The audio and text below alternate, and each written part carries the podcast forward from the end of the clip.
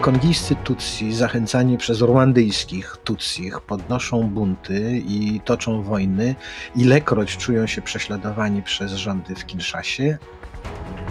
Podstawowym źródłem dochodów dywizowych Rwandy i Ugandy jest złoto, a ani jeden kraj, ani drugi kraj takich złóż e, przynajmniej póki co nie znalazł. To jest kradzione złoto z Konga. A czego w tej wojnie chce Ruanda? Bezpieczeństwa. Jeżeli mówimy, że ONZ nie spieszy z pomocą humanitarną dla ofiar wojny, to pamiętajmy, że ONZ ma tyle pieniędzy, ile dostanie od państw członkowskich, a państwa członkowskie to my. Dzień dobry.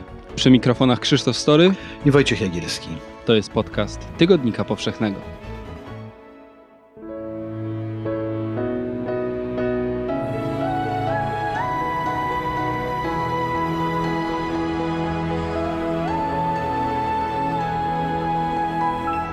Podcast powszechny. Weź, słuchaj. Wracamy z kolejnym odcinkiem cyklu. Wracamy też z nową okładką i nazwą podcastu, którą może już zauważyliście. Zamiast strony świata będziemy po prostu my. Jagielski Story w podcaście Tygodnika Powszechnego. I nic innego się nie zmienia. Nadal będziemy przyglądać się światu z bardzo bliska, a wy z każdego odcinka dowiecie się czegoś nowego. Dzisiaj przeniesiemy się na południowy wschód Afryki, w takie miejsce, które od zawsze wiązało się z konfliktem, kryzysem, tak nam się kojarzyło, czyli na pogranicze Ruandy i Demokratycznej Republiki Konga.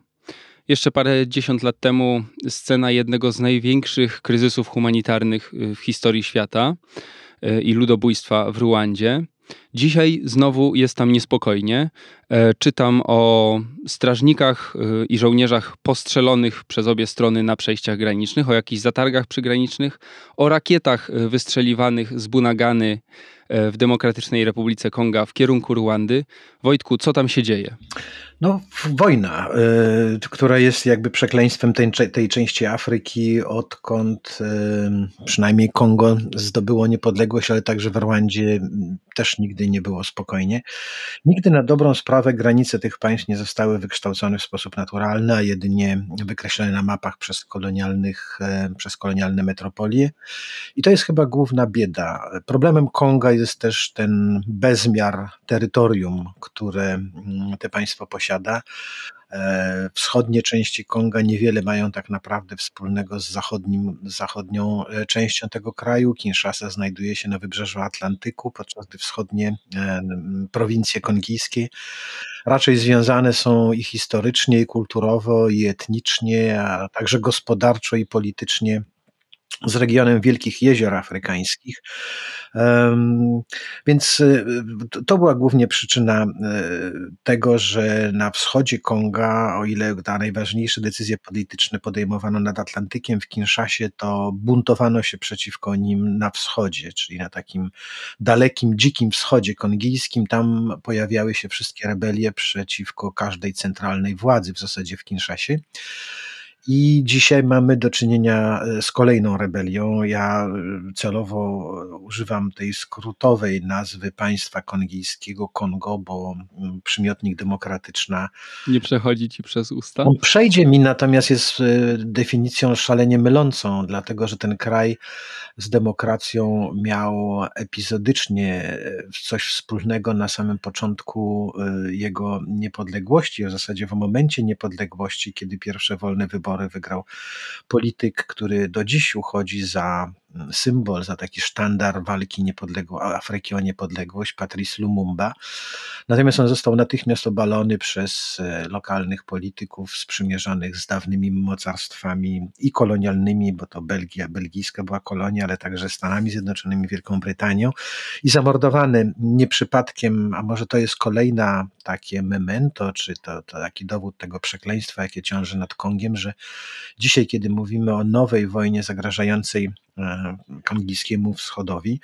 E, Belgowie oddali Kongijczykom ostatnie resztki po Patricie Lumumbie, a tymi resztkami był ząb trzonowy ze złotą koronką. To tylko tyle, co zostało po pierwszym przywódcy niepodległego Konga, zamordowanym, poćwiartowanym, roztopionym w kwasie solnym przez, e, przez jego zabójców, a zabójstwo było na zlecenie państw zachodnich. Więc e, te Kongo ma taką bardzo brutalną i nieciekawą historię, bo, bo, bo a jak nie wojna, to, to, to, to, to, to dyktatura albo kleptokracja, bo przez 30 prawie lat rządził Kongiem, ówczesnym Zairem. Mobutu Sese Seko, który z kolei, tak jak Amin czy Bokassa, wyrośli na takie karykaturalne symbole afrykańskich wataszków, o tyle Mobutu uchodził i dalej uchodzi za przykład e, afrykańskiego prezydenta złodzieja. Dzisiaj z Kinshasy krajem rządzi, czy próbuje rządzić e, prezydent Felix e, Tshisekedi. No, próbuje rządzić, to jest dobre chyba sformułowanie. Kraj jest ogromny. Drugi pod względem powierzchni w całej Afryce, trzeci pod względem liczby ludności. 100 milionów obywateli, 2 i prawie pół miliona kilometrów kwadratowych. No i ten wschodni region Konga, to pogranicze. Nie wiem, czy termin dziki wschód tu pasuje, ale czytając doniesienia prasowe, jak najbardziej. Jest od tej Kinshasy możliwie najdalej. Tam działa bardzo dużo lokalnych jakichś grup partyzantów e, i po stronie ruandyjskiej, i po stronie kongijskiej. Te kraje wzajemnie udzielają schronienia e, grupom, które druga strona uważa za organizacje terrorystyczne. E, taką grupą, która ostatnio się wyróżniła, jest partyzantka M23. Oni dekadę temu ponad zajęli miasto Goma, bardzo duże, ponadmilionowe miasto, które jest takim centrum tego regionu od strony kongijskiej. A teraz udało im się zdobyć e, Bunagane, to jest takie mniejsze miasto. Ze strony kongijskiej padają bardzo poważne oskarżenia w stronę Ruandy, że Ruanda tę partyzantkę M23 wspiera. To prawda, Ruanda wspierała, wspiera i będzie wspierała, czy to ten ruch 23 marca, bo tak się, tak należy rozszyfrować ten skrót M23, to jest partyzantka utworzona przez kongijskich Tutsich, a w Rwandzie rządzą ich ich rodacy, e, no właśnie Tutsi rozrzuceni we wschodzi, na wschodzie Afryki między przynajmniej trzy kraje, Rwandę, Burundi i Kongo. E, w Burundi są w mniejszości i nikt się z nimi nie liczy, nie mają szans najmniejszych e, cokolwiek wyzwojować, powołując się na tą solidarność krwi przy, przy, przy wyborach, bo jest ich po prostu zbyt mało. W Rwandzie też stanowili mniejszość i byli prześladowani ale w 1994 roku przejęli władzę w tym kraju. Partyzantka wygrała wojnę domową, która z kolei przerwała zbrodnie ludobójstwa, której ofiarą byli właśnie Tutsi.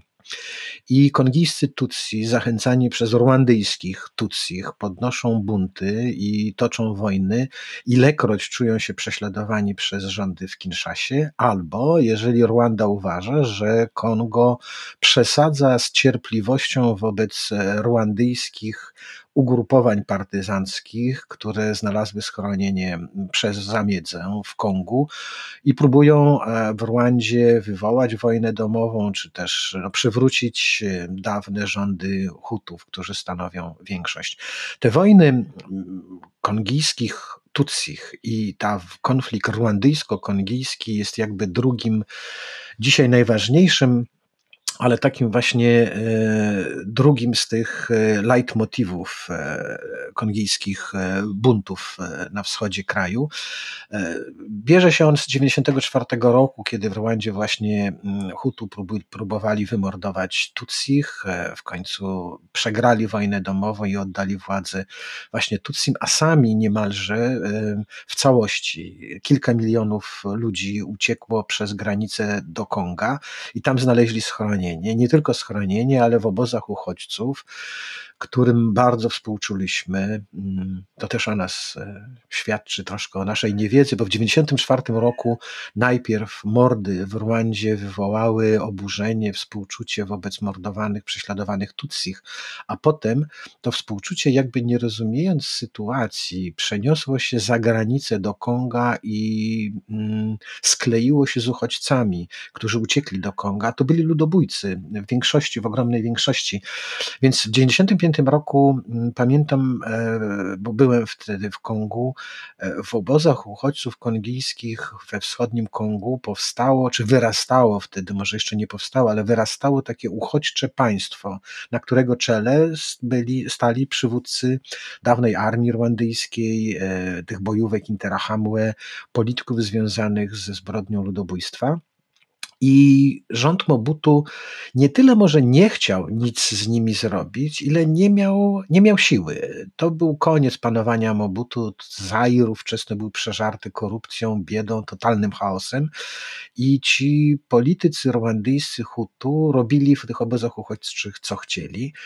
I to sprowokowało e, nowych przywódców rwandyjskich, e, Tutsich rwandyjskich do interwencji zbrojnej w 1996 roku i od tego czasu w zasadzie toczy się na wschodzie Konga ta nieustanna wojna polityczno-etniczna, a przy okazji toczy się też wojna o skarby.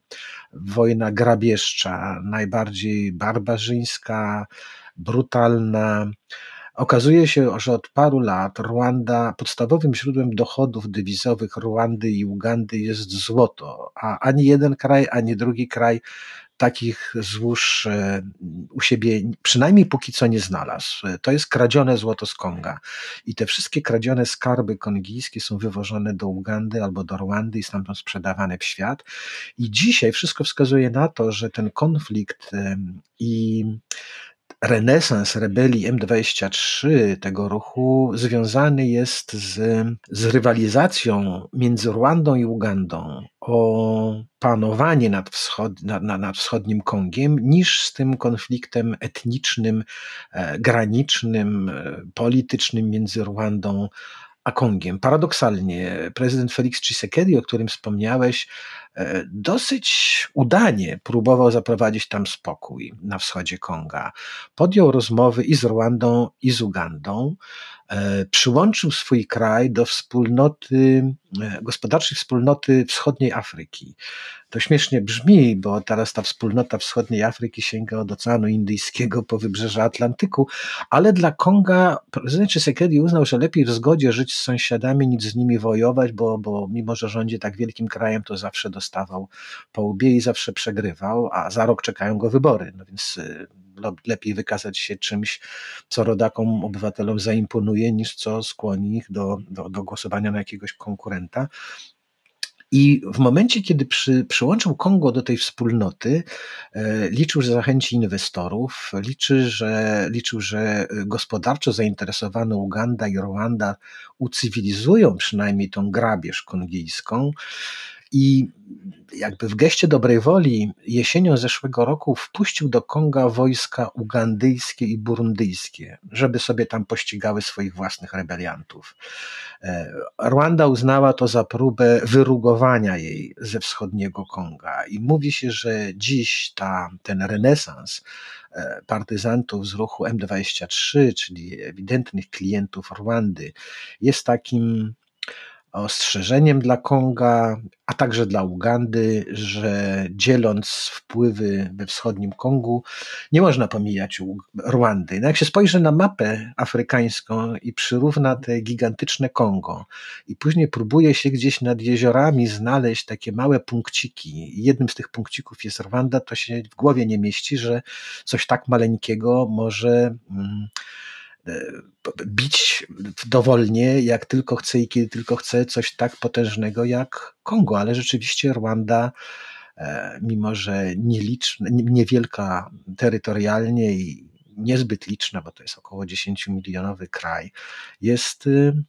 militarną potęgą, przynajmniej w tej, w tej części Afryki, bije tam kogo chce. Wspominałeś o interwencjach ugandyjskich, na przykład na terenie Konga. W 2009 roku była też interwencja ruandyjska, też za zgodą ówczesnego prezydenta Konga. Oczywiście. E, ten kraj e, bardzo stanowczo broni e, swoich interesów. Mówisz, że dzisiaj odeszliśmy już od tych takich podziałów etnicznych, które zapoczątkowały czy wstrzeliły ten konflikt na nowy poziom w 1994 roku. W trakcie ludobójstwa w Ruandzie zginęło nawet milion etnicznych Tutsich, mordowanych przez Hutu, którzy potem uciekli za granicę. Taką centralną sceną wtedy był obóz dla uchodźców w Gomie. I de facto cały zachodni świat, które zbierały wtedy pieniądze dla biednych uchodźców w Gomie, i de facto te pieniądze trafiały do ludzi, którzy byli odpowiedzialni e, za to ludobójstwo. To pokazuje trochę ograniczenie naszej perspektywy patrzenia na te dalekie rejony południowej Afryki. Dzisiaj e, tych argumentów etnicznych jest tam e, mniej, chociaż też się pojawiają. Te wszystkie partyzantki jednak jakoś się tego klucza etnicznego trzymają. E, a w Gomie pozostała misja Narodów Zjednoczonych, 17 tysięcy personelu, e, którzy przy tym, co teraz się dzieje, przy tym zaostrzeniu konfliktu, trochę umywają ręce. No, umywają ręce, bo te ręce mają związane. Mandat, który wojska pokojowe ONZ otrzymały w Kongu, poniekąd zabrania im e, mieszania się w konflikty. Oni mają bronić ludności cywilnej. Więc jeżeli taka partyzantka M23 będzie atakowała cywilne osady, no to wojska ONZ będą tej ludności przychodzić z pomocą, ale nie mają prawa mieszać się w konflikty polityczne między jakimiś rebeliantami a wojskiem rządowym. To jest bardzo, bardzo e, taki po, po, polityczny galimatias i, i ten mandat jest wynikiem ustępstw, targów, negocjacji. ONZ pojawiło się w Kongu w dwa, po raz kolejny w 2003 roku i do, dzięki tej interwencji udało się przerwać wojnę, która trwała bez mała od połowy lat 90.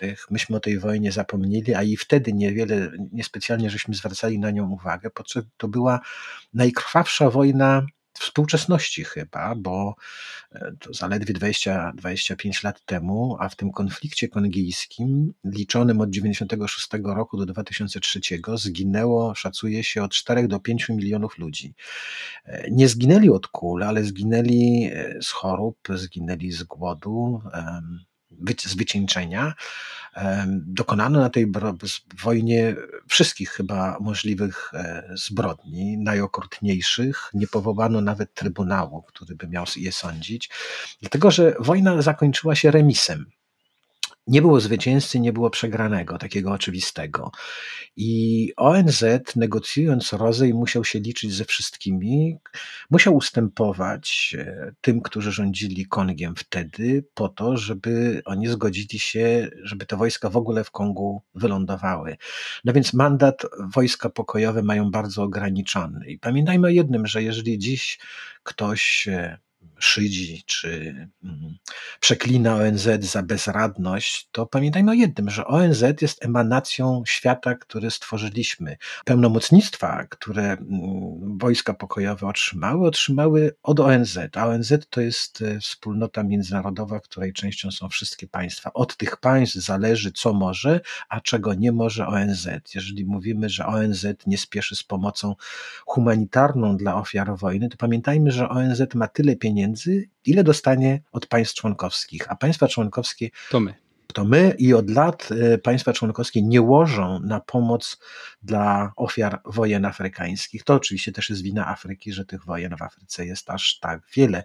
Może nie tylko Afryki, ale Afryka ponosi znaczną część odpowiedzialności. Jest jeszcze jedna siła, która może mieć tutaj trochę mocniejszy mandat. Wspominałeś o tej Unii Państw e, Wschodnioafrykańskich.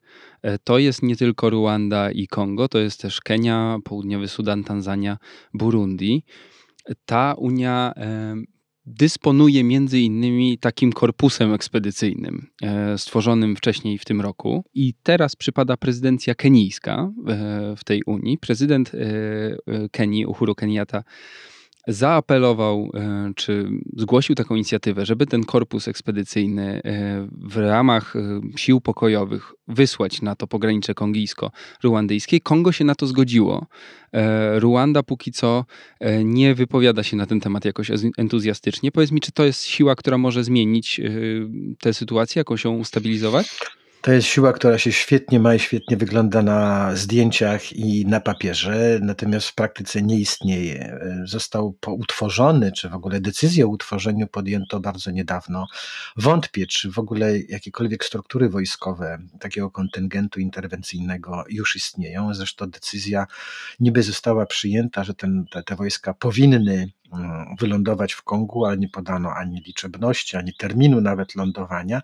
Natomiast Kongo, godząc się, zastrzegło, że nie może tam być w tym kontyngencie żołnierzy rwandyjskich, czyli jedynych e, żołnierzy, którzy jakby e, nadają się do wojaczki. No, trudno się Kongu dziwić. Już mają do czynienia z e, rebeliantami kierowanymi przez Rwandę, a tu jeszcze Lega Artis by lądowali rwandyjscy żołnierze jako siła pokojowa. Natomiast inne państwa e, z całą pewnością nie będą, znaczy nie, nie wierzę w żaden korpus e, pokojowy, międzynarodowy, nie wierzę w to, e, tak jak żadne wojska afrykańskie nie sprawdziły się w jakiejkolwiek operacji, ani Unii Afrykańskiej, ani wspólnoty zachodnioafrykańskiej. Myślę, że ten konflikt skończy się mm, w wyniku targów między afrykańskimi przywódcami, między przywódcą Rwandy i prezydentem e, Kenii, e, Konga, a prezydent Kenii Uhuru Kenyatta, który żegna się z wielką polityką, bo to jest jego ostatni, ostatnie miesiące prezydentury, e, też będzie mu zależało na tym, żeby odejść, przejść do historii jako mediator, który pomógł uniknąć jakiejś nowej wojny.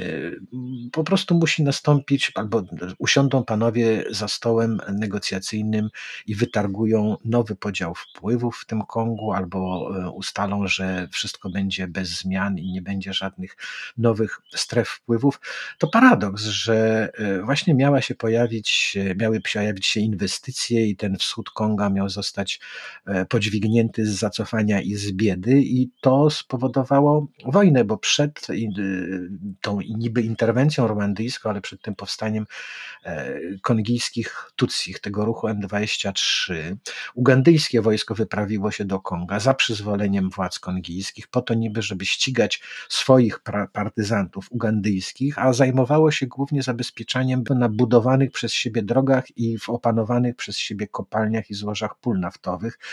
E, więc to ta wojna e, dzisiaj, i, i, chyba tak to należy oceniać to, co się dzieje dzisiaj w Kongu, e, te, te, ten konflikt zbrojny jest jakby pretekstem do interwencji, żeby zabezpieczyć swoje gospodarcze interesy na wschodzie Konga. Ale te interesy, jeżeli nie zostaną zabezpieczone, to mogą stać się początkiem rzeczywiście nowej, e, krwawej wojny, jak to zwykle w Kongu. Czas przedwyborczy, a wybory Kongo ma w przyszłym roku, też nie sprzyja pokojowi bo prezydent będzie, czy się kiedy będzie bronił prezydentury, ale z całą pewnością znajdzie się wielu, którzy będą chcieli tę prezydenturę mu odebrać, a wschód zawsze będzie traktowany przez kongijskich polityków jako, jako ten region, gdzie można skrzyknąć buntowników i wszystkich niezadowolonych. Także Niestety e, spokojnych czasów Kongo e, raczej nie powinno się spodziewać, ale myślę, że Kongijczycy przywykli do tego rodzaju niespokoju. Nakreśliliśmy taką mapę tego konfliktu, troszkę zajrzeliśmy do historii, do tych podziałów etnicznych, które robią się dzisiaj być może coraz mniej znaczące, schodzą na dalszy plan. Mm, z Twojej teraz e, wypowiedzi przebiło właśnie ten aspekt taki gospodarczy ten aspekt skarbów, które tam czekają w tym wschodnim Kongu. No i o tym pomówmy, bo to chyba dzisiaj przede wszystkim o to toczy się gra i zastanawiam się też, jak to może wpłynąć na nasz tutaj e, świat, bo nie bez powodu rozmawiamy o wojnie na drugim końcu e, globu, bo to jest wojna, która e, jeśli będzie nadal toczona, to będzie toczona w jednym z najbardziej bogatych w minerały i to, co pod powierzchnią Ziemi schowane regionów świata. Demokratyczna Republika Konga, jeśli chodzi o eksport, jej pierwszym produktem eksportowym jest rafinowana miedź. To jest 11 miliardów dolarów rocznie. Potem jest kobalt y, i wszelkie jego pochodne, czyli Krótko mówiąc, nasze telefony, komputery, y, mikrokontrolery i tak dalej. E, Demokratyczna Republika Konga eksportuje to głównie do Chin, a stamtąd trafia to y, w bardzo wielu przypadkach y, do naszych kieszeni i na nasze biurka. Czy ewentualna wojna może poprzestawiać już i tak zachwiane i chwiejące się e, rynki elektroniki na świecie? Wydaje mi się, że nie. Te produkty, te surowce, o których wspomniałeś, one znajdują się głównie na południu Konga, w prowincji Katanga, uważanej za ogóle jakiś ewenement e, geologiczny, że w jednym miejscu znalazło się aż tyle cennych minerałów. I w Katandze e, dziś panuje spokój. W latach 60. właśnie Katanga była powodem pierwszych kongijskich wojen, ale, ale, ale dziś akurat w Katandze jednej z najbogatszych kongijskich prowincji panuje spokój. Natomiast ten wschód Konga jest takim terytorium, gdzie grasują mniejsze zbrojne ugrupowania. E, ich zyski czy ich wydobycie nie wpływają na ceny minerałów, surowców na światowych e, giełdach, natomiast im zapewniają e, no, znakomicie, znakomite funkcjonowanie. Po drugie, zbierane te drobne urobki poszczególnych armii grabieżczych, takich ludów zbieracko-łowieckich, kumulowane przez hurtowników, no, e, tworzą później no, spory, spory kapitał surowcowy i kto to sprzedaje dalej i ile kto na tym zarabia, no to już jest zupełnie innego rodzaju historia.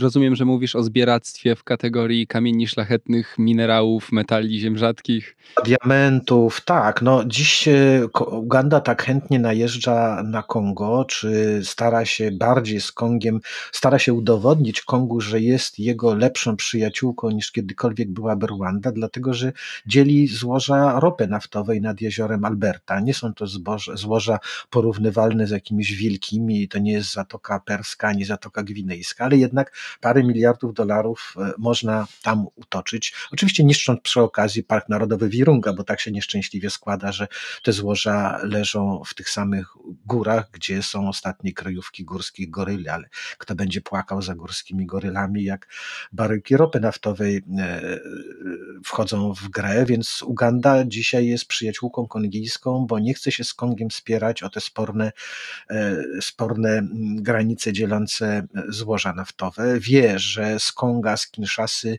nikt tam się nie pojawi, więc jedynym realnym e, partnerem do wydobycia tej, tej, tej ropy naftowej jest tylko i wyłącznie firmy, firmy ugandyjskie, a Kongo z tego wszystkiego będzie miało najwyżej prowizję. Ugandzie to wystarczy, jest to jakby dodatkowy dorobek. Uganda nie myśli o sobie, żeby zostać mocarstwem naftowym, natomiast jeżeli może może coś zarobić, także podbierając e, co nieco kongijskiemu sąsiadowi, to czemu tego nie zrobić? Jeżeli nie da się po dobroci, to można stworzyć czy wesprzeć którąś z tamtejszych partyzantek, która upomni się o jakąś górę platyny, czy o jakąś e, jezioro, w którym dziwnie woda wygląda, a potem się okaże, że to jest ropa naftowa.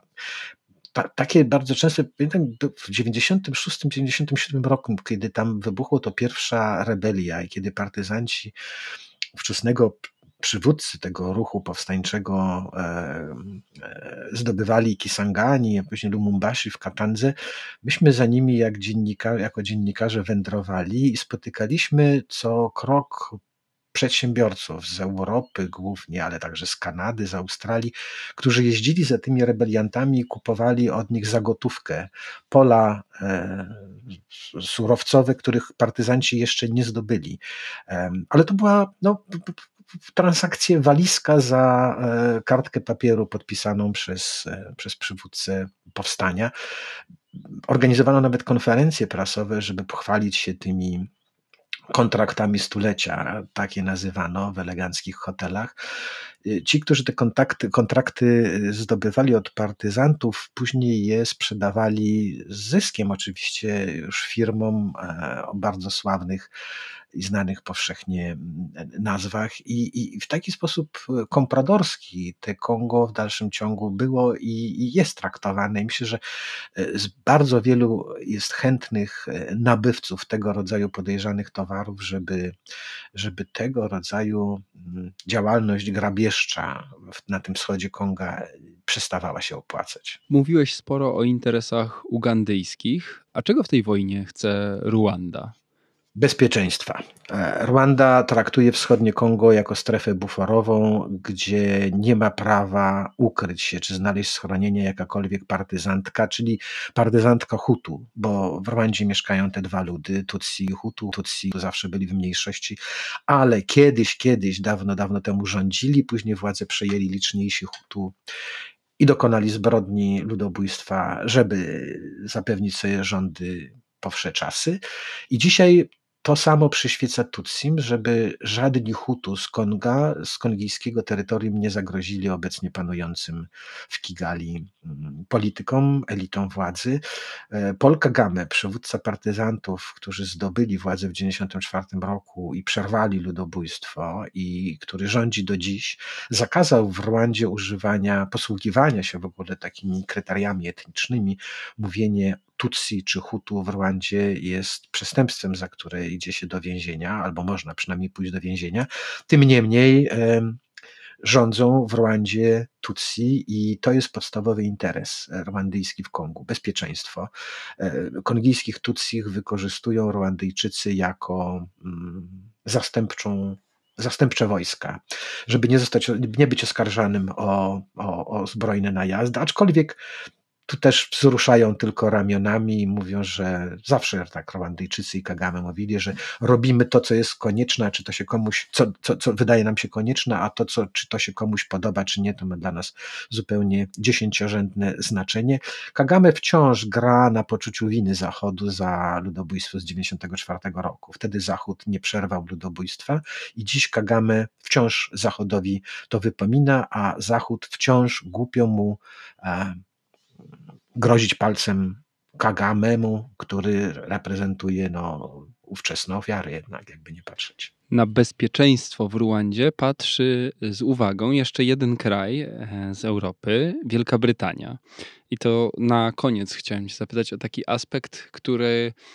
E, może być taką nieprzewidzianą, nieprzewidzianą komplikacją dla Borisa Johnsona i polityki brytyjskiej.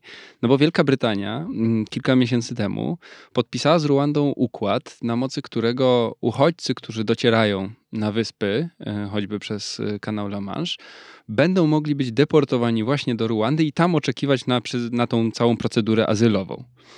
No teraz w momencie, w którym między Kigali a, a wschodnim Kongiem y, sytuacja jest tak napięta, y, czy to się jakoś na polityce brytyjskiej odbije?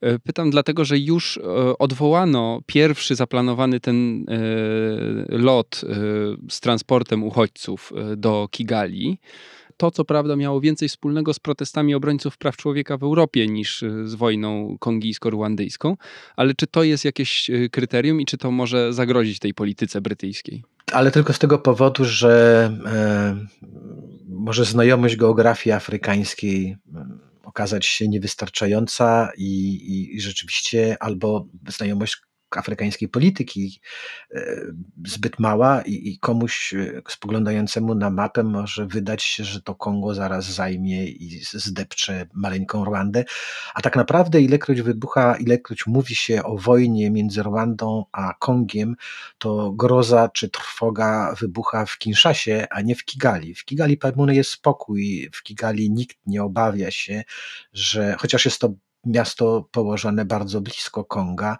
E, nikt nie obawia się czegokolwiek ze strony kongijskiej. Jedyna obawa dotyczy rebeliantów ruandyjskich, którzy w tym Kongu mogliby się skrzyknąć w jakąś partyzancką armię i zagrozić e, rządzącym w Rwandzie. Rwanda, jak mało który kraj, pewnie by się na ten azyl nadawała, dlatego że jest to kraj e, w miarę zamożny, bardzo uporządkowany, i rządzony przez dyktatora, jest to kraj, państwo policyjne. E, prawa człowieka są łamane, ale miejscowym, no bo cudzoziemców nigdy w takiej masie nie było, więc e, uchodźcy by się czuli jak e, w afrykańskim, może nie więzieniu, w europejskim więzieniu w Afryce, strzeżeni przez bardzo zdyscyplinowanych wartowników. Kagame nie pozwoliłby stamtąd nikomu uciec. E, też żadnemu z tych oczekujących na decyzje azylowe włos z głowy by nie spadł. Natomiast e, no, byli, byliby jak w obozie przejściowym. Nie o to chodziło dysydentom irańskim, czy indonezyjskim, czy kurdyjskim, którzy uciekali do Europy, żeby wylądować w Rwandzie, więc więc z całą pewnością cieszyć by się nie cieszyli, ale mm, pod wieloma względami Rwanda jest krajem dużo lepiej urządzonym i nadającym się do tej roli niż inne kraje afrykańskie. Jeżeli by ten eksperyment nie wypalił, bardzo rozczarowana byłaby Zambia, która już przebiera nogami, że w, nawet w wypadku, gdyby to porozumienie brytyjsko-rwandyjskie się sprawdziło, to Zambia jako następna bardzo by chciała podobne porozumienie podpisać z Wielką Brytanią. I na koniec jeszcze krótko. Czy przewidujesz jakąś e, mocniejszą eskalację tego konfliktu? E, trudno powiedzieć. To wszystko będzie zależało. Wydaje mi się, że jak zwykle na wojnie nikomu nie zależy specjalnie, bo nie przynosi ona jakichś specjalnych korzyści. Nikt też nie czuje się szczególnie zagrożony przez jakichś tam rebeliantów. Jest to kwestia takiego przyciągania liny i udowodnienia e, rywalom, że nie mogą nie liczyć się z innymi, z interesami innych. Natomiast e, niewykluczone, że w takiej grze ktoś popełni jeden błąd, a wtedy e, no, ta, ta, ta, ta gra, nad którą wydaje się, że się panuje, wymyka się spod kontroli. Osobiście e, wierzę w to, że maksimum, co mogą osiągnąć partyzanci M23 będzie ponowne zajęcie Gomy, po to tylko, żeby to miasto oddać w ramach jakiejś tam transakcji, ale może we mnie zwycięża przyrodzony optymizm i wolę, wolę widzieć bezsens tej wojny niż e, to, że z niej mogłyby jakieś wynikać większe korzyści niż z jakiejś tam nawet mało pokojowej, e, mało pokojowych targów, ale jednak targów. O sytuacji na pograniczu kongijsko-ruandyjskim, która odbija się też echem e, przez świat. Dzisiaj rozmawialiśmy. Wracamy do Was za chwilę.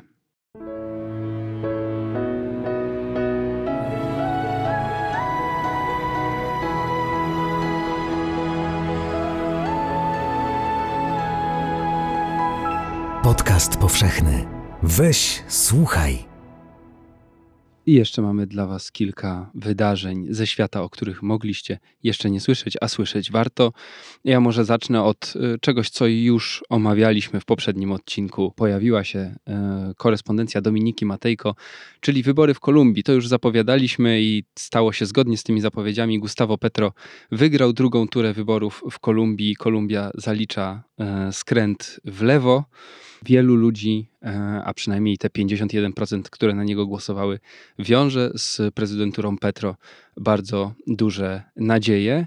No i jeszcze wybory we Francji, Wojtku. Wybory odbyły się także we Francji, gdzie zwyciężyła partia zwycięskiego prezydenta Macrona, ale to zwycięstwo e, może się okazać piorusowe, bo większość, którą będą mieli w parlamencie jest tak niewielka, że prezydentowi będą utrudniać życie posłowie zarówno z lewicy, jak też z prawicy, a ja badając, pisząc w tym roku częściej niż kiedykolwiek w swojej dziennikarskiej karierze o klimacie, chciałbym też napomknąć o Nepalu, gdzie z powodu topnienia lodowców w Himalajach postanowiono obniżyć obóz bazowy o 200-400 metrów, gdyż dotychczasowe miejsce, gdzie Himalaiści zaczynali swoje wyprawy, na Monteverest okazuje się niewystarczająco e, bezpieczny. I to już wszystko w tym odcinku. Dzięki, że nas słuchacie. Przy mikrofonach Krzysztof Story.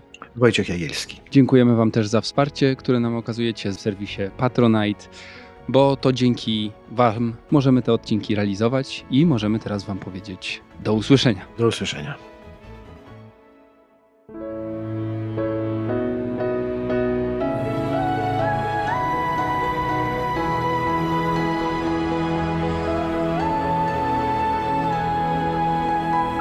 Podcast powszechny. Weź, słuchaj.